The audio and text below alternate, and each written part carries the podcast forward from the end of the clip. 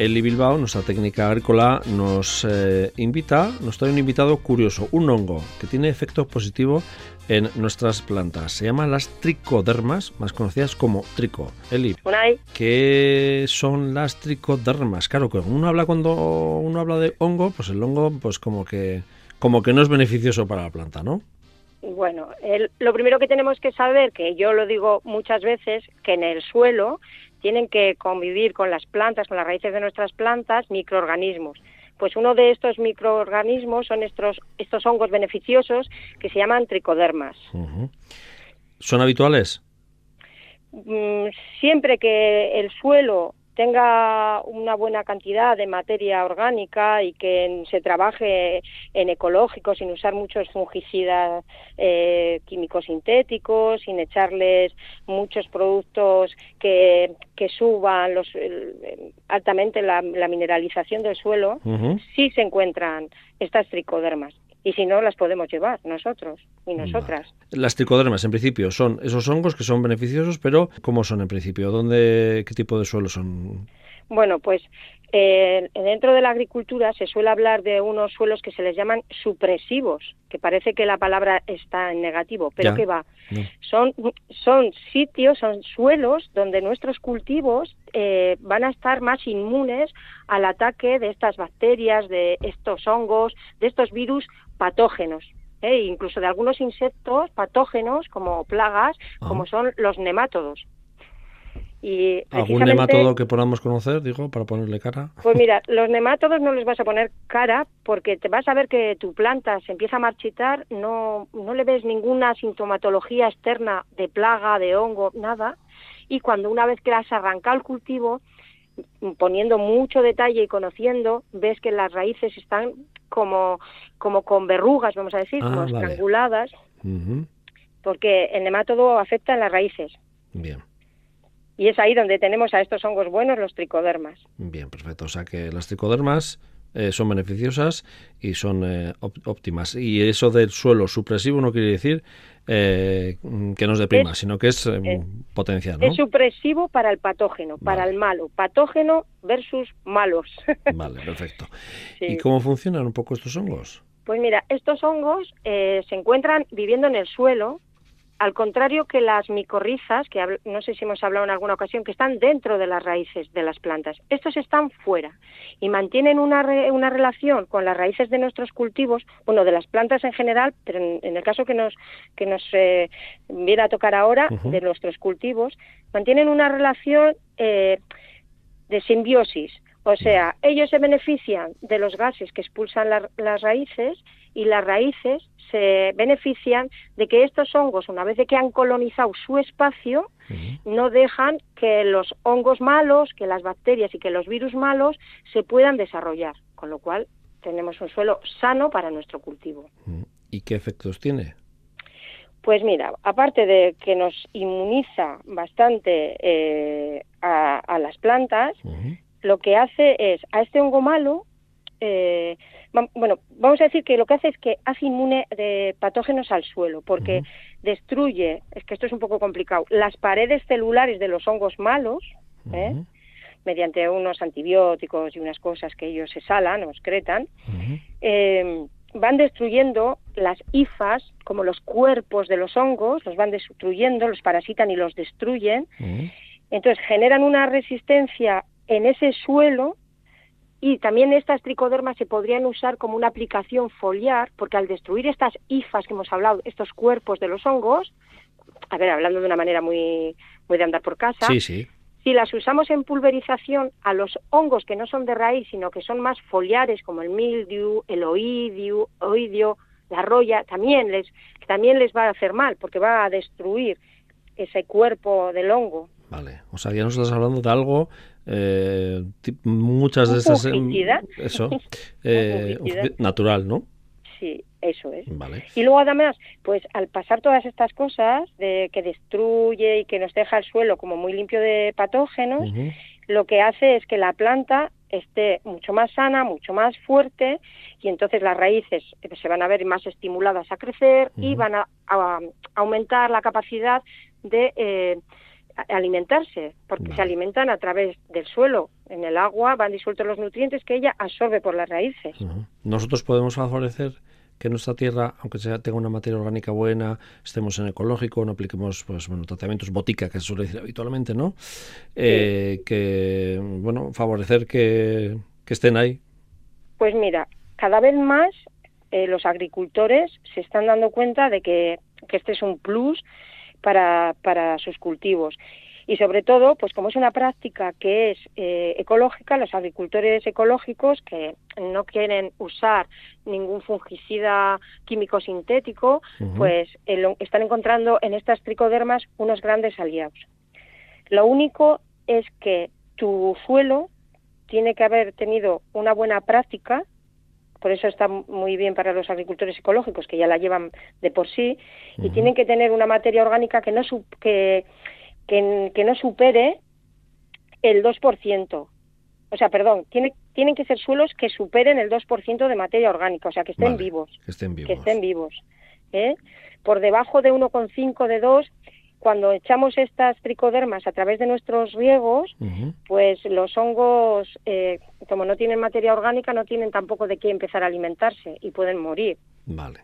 Lo mismo pasaría si son suelos que tienen demasiados elementos patógenos, o sea, ya están como muy contaminados de otros virus, bacterias u hongos malos, pues él no tiene capacidad tampoco de sobrevivir. Vale. Y, tampoco en tierras donde eh, se ha usado de manera masiva, por ejemplo, en invernaderos que se trabaja en convencional y se usa de manera masiva los fungicidas químicos sintéticos, que entonces estamos hablando casi casi de un suelo muerto, pues tampoco podrían, porque ellos al ser un hongo, si hay mucho fungicida en el suelo acumulado, pues ellos se ven afectados como hongos que son y fallecen. Vale. Desaparecen. Mm, bueno, que eso es un clásico que sucede mucho en los invernaderos cuando es en convencional, ¿no? Mm, sí, Me refiero que se van empobreciendo la tierra. Son suelos muertos. Eso, y luego además también con el tiempo también, bueno, incide, bueno, el tiempo al de poco incide también en, las plantas y en otro tipo de padecimientos, ¿no? Que, que, complican más la situación y a veces más vale prevenir, ¿no? Y empezar Yo por... Creo este hay muchos agricultores que han trabajado en convencional y que poco a poco se están dando cuenta si no, mm, o sea, quieren hacer el traslado a lo ecológico y eh, aunque igual no lo hacen al 100%, sí usan muchas técnicas de ecológico en cultivos convencionales. Bueno, ¿y, nosotros podemos plantar o sembrar las tricodermas? Sí, esto se, esto se vende, ah, ya se vende todo. Ah, sí, o sea, se vende, vale. Sí. Ah. Lo puedes comprar en, líquido cuando quieres comprar para una gran cantidad de terreno y, se mezcla con el agua de riego y se riega. Y para lo que nos conviene a nosotros, que debemos a trabajar en un balconcito con un puerto de balcón, o incluso para las macetas de ornamentales, frutales, para cualquier tipo de suelo, eh, nos lo venden en, eh, con marcas ecológicas que no quiero comentar, pero seguro que la gente ya conoce. Nos venden en formato pequeño, en polvo, que se, se disuelve en el agua y a través del riego se echa. Y como he dicho antes, también podríamos usarlo según las medidas que nos diga el productor del, formato, pulverizado.